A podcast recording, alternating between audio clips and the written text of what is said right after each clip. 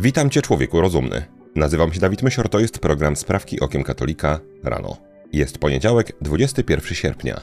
Wspomnienie świętej Joanny Franciszki de Chantal, wdowy, święto trzeciej klasy. Wszystkie sprawy nasze prosimy Cię, Panie, natchnieniem Twoim uprzedzaj, a pomocą wspieraj, aby wszelka modlitwa i praca nasza od Ciebie się poczynała i przez Ciebie się kończyła. Przez Chrystusa, Pana naszego. Amen. Niemcy. Jak donoszą media motoryzacyjne, niemiecki koncern Bosch, który od wielu lat koncentrował się na rozwoju samochodów elektrycznych, porzucił swoje plany. Firma Bosch twierdzi, że stawianie na elektryki jest pozbawione sensu. Akumulatory są zbyt drogie i pod względem zasięgu nie są w stanie konkurować z pojazdami spalinowymi. Koncern zwrócił także uwagę na długi, niekomfortowy proces ładowania samochodów elektrycznych, a także konieczność wykorzystywania bardzo kosztownych metali rzadkich. Firma nie zdecydowała się jednak publicznie porzucić ekoideologii i choć dostrzegają potrzebę przynajmniej czasowego pozostania przy samochodach spalinowych, w świat wolą wypuszczać informacje, że teraz skupią się na technologii wodorowej. Ponownie Niemcy. Jak informuje dziennik Bild, w miejscowości Unterallgäu, nieopodal Memmingen w Bawarii, doszło do kolejnego tragicznego wypadku z udziałem samochodu elektrycznego. Zdarzenie miało miejsce w nocy z soboty na niedzielę 13 sierpnia.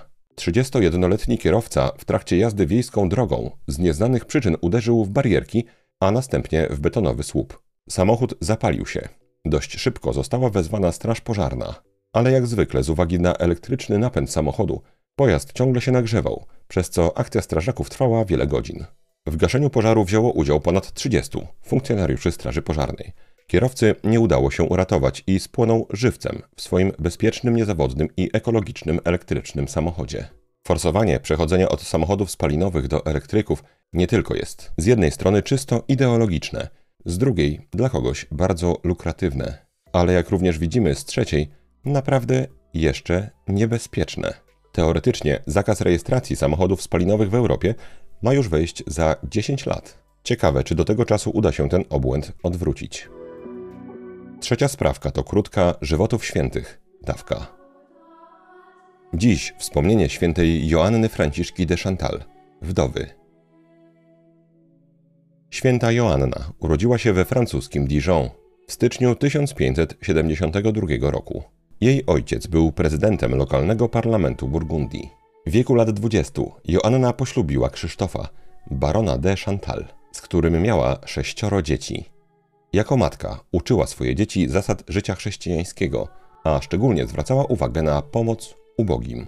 Gdy Joanna miała 29 lat, przyjaciel jej męża przypadkowo zabił go w trakcie polowania. Joanna poświęciła się wówczas macierzyństwu i życiu duchownemu. W roku 1604 32-letnia wówczas Joanna poznała świętego Franciszka Salezego.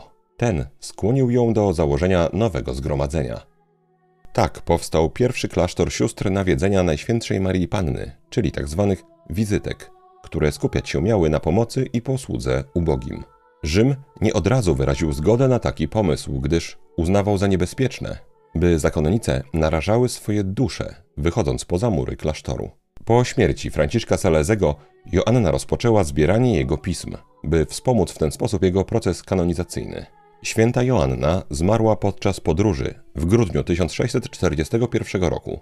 Święty Wincenty a Paulo miał widzieć jej duszę idącą do nieba. Beatyfikacji Joanny dokonał papież Benedykt XIV w roku 1751, a kanonizował ją 16 lat później papież Klemens XIII w roku 1767.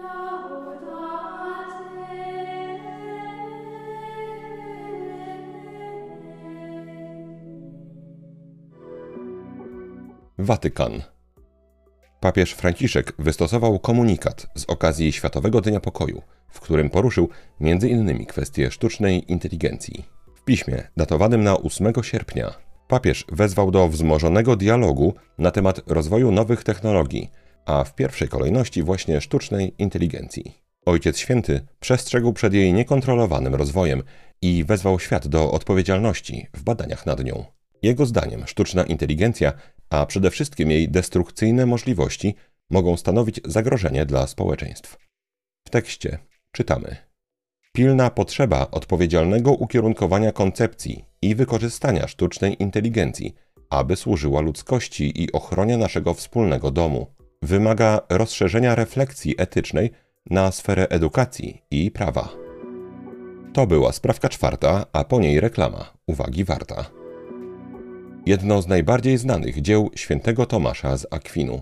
Złoty łańcuch. Książka obejmująca obszerny zbiór tekstów patrystycznych, odpowiednio powiązanych i uporządkowanych tak, że tworzą jeden wspólny komentarz do czterech Ewangelii. Święty Tomasz, czerpiąc z bogatego skarbca dokumentów soborowych pierwszych wieków chrześcijaństwa oraz z pism wschodnich i zachodnich ojców Kościoła, pozwala odkryć głębie poszczególnych fragmentów Ewangelii. Moim celem tej pracy, pisze wielki doktor Kościoła, nie było jedynie oddanie dosłownego sensu danego fragmentu, lecz również uwypuklenie jego znaczenia mistycznego. Pragnę nie tylko zwalczać istniejące błędy, lecz również utwierdzać prawdę katolicką. Wydaje się to potrzebne, ponieważ z Ewangelii w sposób szczególny czerpiemy normy wiary katolickiej, jak również reguły postępowania dla całego chrześcijańskiego życia. Mój drogi słuchaczu, proponowana przez wydawnictwo Dębogóra książka stanowi obszerny wybór z Tomaszowego dzieła, uporządkowany w taki sposób, że poszczególne komentarze przyporządkowane są perykopom ewangelicznym na niedzielę i święta całego roku liturgicznego. Dzięki temu książka ta może być doskonałą pomocą w osobistej medytacji nad Ewangelią, jak również być świetną pomocą kaznodziejską. Link z możliwością zakupu tej książki w wydawnictwie Dębogóra będzie pierwszym linkiem umieszczonym w opisie tego odcinka. Święty Tomasz z Akwinu. Złoty łańcuch. Kuwejt. Jak donoszą lokalne media, w środę 9 sierpnia rząd Kuwejtu poinformował o zakazie emisji popularnego filmu Barbie. Powodem decyzji jest fakt, że film promuje idee i przekonania, które są obce kuwejckiemu społeczeństwu i porządkowi publicznemu, a zakaz ma chronić etykę publiczną i tradycje społeczne. Podobny komunikat wystosował minister kultury Libanu, pan Mohammad Mortada, który zawnioskował do Ministerstwa Spraw Wewnętrznych o podjęcie wszelkich niezbędnych środków w celu zakazania pokazywania Barbie w Libanie. Minister Mortada powiedział: Film Barbie promuje homoseksualizm i transseksualizm, popiera odrzucanie opieki ojca, podważa i wyśmiewa rolę matki oraz kwestionuje konieczność małżeństwa i posiadania rodziny.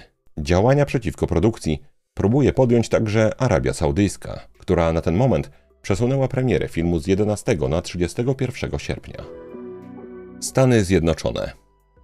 W poniedziałek 7 sierpnia Rada Hrabstwa Westchester w stanie Nowy Jork przegłosowała zniesienie tzw. Tak stref buforowych w pobliżu placówek aborcyjnych. Tak zwane strefy buforowe są wydzielonym terenem, na którym w promieniu 8 metrów od budynku tzw. Tak kliniki aborcyjnej nie wolno prowadzić żadnych akcji utrudniających czy zniechęcających do skorzystania z usług dzieciobójców, ponieważ mogą one naruszać ustawę o swobodnym dostępie do wejść do klinik. Organizacja ProLife Thomas More Society złożyła pozew przeciwko hrabstwu, twierdząc, że istnienie stref buforowych jest niezgodne z amerykańską konstytucją.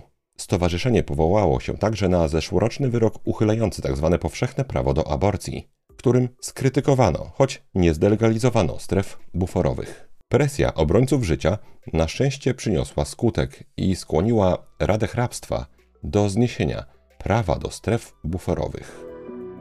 Ponownie Stany Zjednoczone. Amerykański kapłan katolicki ksiądz Charles Pope, znany ze swego krytycyzmu względem współczesnych działań Watykanu, wyraził opinię na temat tzw. Tak synodu o synodalności. Ksiądz Pope napisał na swoim profilu na Facebooku post, w którym stwierdził, że nie chce kościoła synodalnego, ale kościoła katolickiego, kościoła męczenników i świętych. Dalej duchowny skrytykował pojawiające się w kontekście synodu dyskusje na temat akceptacji dla tzw. Tak osób LGBTQ i wszystkie inne literki oraz udzielania im komunii świętej.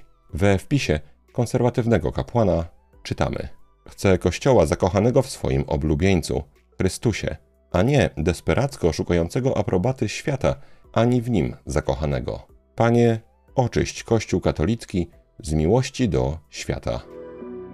Polska.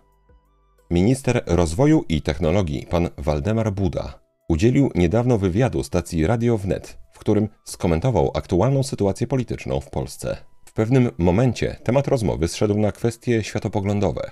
Minister Buda, krytykując wcześniej Konfederację za jej spojrzenie na gospodarkę, wypowiedział się także w dość znamienny sposób na temat aborcji. Minister powiedział: Jak jakakolwiek kobieta mogłaby zagłosować na Konfederację? Tam jest całkowity zakaz aborcji. To są radykalne, dramatyczne rzeczy. Jest to bardzo otwarta, szczera deklaracja członka rządu tzw. Tak Zjednoczonej Prawicy na temat zabijania dzieci nienarodzonych. Mój drogi słuchaczu, choć usiłuję unikać komentowania polskiej polityki i zamierzam się tego trzymać. Ostatnio rząd Zjednoczonej Prawicy daje mi powód, aby obawiać się, że chcą szeroko otworzyć furtkę do aborcji, ponieważ właśnie tym, niczym innym, jest powiązanie ewentualnej aborcji ze zdrowiem psychicznym matki. Słowa, które były cytowane, nie były wypowiedziane przez szeregowego polityka, ale ministra. Dalej, pan Buda zaatakował Konfederację, także za, jak to ujął, absolutną zaściankowość w podejściu światopoglądowym. W wywiadzie mówił: Bicie dzieci, nierozwiązywalność związków małżeńskich, służebna rola kobiety w związku małżeńskim to są historie, które mi się w głowie nie mieszczą po prostu, a Konfederacja jest przedstawicielem takich nurtów i poglądów. Taka, a nie inna charakterystyka porządku naturalnego, zasad życia katolickiego jest charakterystyczna dla środowisk mocno lewackich. Jest to oczywiście karykatura, i tutaj pan minister ewidentnie uważa, że cel uświęca środki. Próbując ludziom obrzydzić Konfederację, zupełnie nie martwi się faktem, że przy okazji obrzydza im porządek życia, który jest piękny zarówno dla kobiet, jak i dla mężczyzn. Ostatnia sprawka to krótka rozprawka. Idźcie na cały świat i głoście Ewangelię. Omawialiśmy niedawno pojęcie miłosierdzia jako jednego z najmocniej przez modernizm zakłamywanych. Z kolei słowem, które z jednego z najpiękniejszych w katolicyzmie, modernizm usiłuje nam zamienić straszydło w coś negatywnego, w coś niewłaściwego, w coś, czego odradza, jeżeli wprost nie zakazuje, sam papież Franciszek. Tym słowem jest nawracanie. Zastanówmy się, o jak pięknym aspekcie religii katolickiej jest tutaj mowa i jak brzydko modernizm próbuje kawałek po kawałku zabrudzić całą naukę katolicką. W czystej nauce nawrócenie to przejście ze śmierci do życia, z wilgotnej, zatęchłej celi, której spędzić mamy dożywocie, na otwartą przestrzeń górską. Nawrócenie to przejście od pustki do pełni, od braku do obfitości, od fałszu do prawdy, od brzydoty do piękna, od picia wody z kałuży do picia krystalicznie czystej wody z górskiego źródła. Nawracanie innych jest zatem nie tylko zadanym nam przez Boga obowiązkiem, ale też najwyższym wyrazem miłości i dobra względem drugiego człowieka. A co widzimy, patrząc na samo nawracanie oczami modernisty? Skoro Bogu podobają się wszystkie religie, skoro katolicyzm to styl życia, który coś tam może porządkuje, ale inne style życia też sporo porządkują. Skoro w katolicyzmie chodzi tak naprawdę o to, żeby Pan Bóg rozwiązał moje problemy. Wtedy dopiero sensu nabiera stwierdzenie: Nie będę nikogo nawracał na siłę. To na siłę jest dodane dla uspokojenia sumienia, bo tak naprawdę modernista mógłby poprzestać na nie będę nikogo nawracał.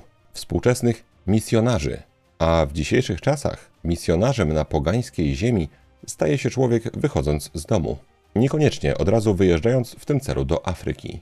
Współczesnym misjonarzom zarzuca się brak tolerancji i pychę, bo jakim prawem głoszą wyłączność katolickiej prawdy? W XXI wieku świat wymaga nowego rodzaju mądrości, czyli uznania, że prawdy jest wiele. Twoje jest prawdziwe i moje jest prawdziwe. A że Twoje i moje to wykluczające się przeciwieństwa, to właśnie jest zadanie dla nowoczesnej dojrzałości i bycie ponad przestarzałą zasadą niesprzeczności, bycie ponad przestarzałym podziałem na prawdę i fałsz. Nawracający innych to dla modernisty człowiek pyszny, innych krzywdzący i ograniczony. Tymczasem dla katolika nawracający to człowiek kochający, gdyż umierającemu na pustyni nie szkodzi, że umierającemu nieświadomie nawracający chce dać pić czystej, zimnej wody. Dla katolika nawracający to jednak przede wszystkim człowiek posłuszny, gdyż walka o triumf Chrystusa w ludzkich sercach Innymi słowy, nawracanie jest dla katolika obowiązkiem. Szanując i kochając drugiego człowieka, musimy bardzo wyraźnie i otwarcie napiętnować błędy, którym uległ. Wymaga tego wiara i miłość bliźniego. Poza Kościołem nie ma zbawienia. Kto powie to światu, jeżeli zwyciężą moderniści? Jeżeli górę wezmą błędy ekumenizmu i sami katolicy, już wtedy jedynie nominalni, uwierzą, że nie ma znaczenia, dokąd człowiek chodzi do kościoła, zboru, synagogi czy meczetu, byleby był pokój na ziemi. Wszyscy ludzie mieli swobodę wyboru między dobrem a złem, a co może najważniejsze, planeta i klimat były bezpieczne. Dlatego też walka z modernizmem to nie jest walka dla walki, jakieś wewnątrzkościelne kłótnie o to, kto ma rację. Czy może lepsze są organy czy gitary? Lub czy machać flagami na mszy, czy nie? Walka z modernizmem to walka ze śmiercią religii katolickiej. Religia katolicka to jedyna droga do zbawienia, jedyna woda na pustyni, a nawracanie to najwyższy przejaw miłości i wypełnianie obowiązku. Mój drogi słuchaczu, powodzenia i odwagi.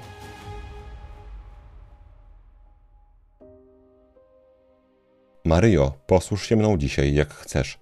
Wykorzystaj mnie jak chcesz. Byle tylko choć jeden grzesznik zszedł z drogi zatracenia, poszedł do spowiedzi świętej i zwrócił się ku Panu Jezusowi. To na dzisiaj wszystkie sprawki okiem katolika rano. Jeżeli chcesz nam pomóc, daj proszę łapkę w górę pod tym filmem na YouTubie i napisz komentarz. Może o tym, czy katolik ma obowiązek nawracać. Jeżeli chcesz wesprzeć zespół Sprawek Okiem Katolika najmniejszą chociaż kwotą, to szczegóły jak można to zrobić znajdują się w opisie tego odcinka. Zaraz pod linkiem do książki Złoty Łańcuch świętego Tomasza z Akwinu. Za wsparcie wszystkim bardzo dziękujemy. Mój drogi słuchaczu, życzę Ci błogosławionego dnia. Święta Joanno Franciszko de Chantal, módl się za nami. Człowieku rozumny, trzymaj się, nie łam się i bardzo Ci dziękuję za Twój czas. Mam nadzieję, że do zobaczenia w dzisiejszej wycieczce po globie i do usłyszenia jutro. Zostań z Panem Bogiem.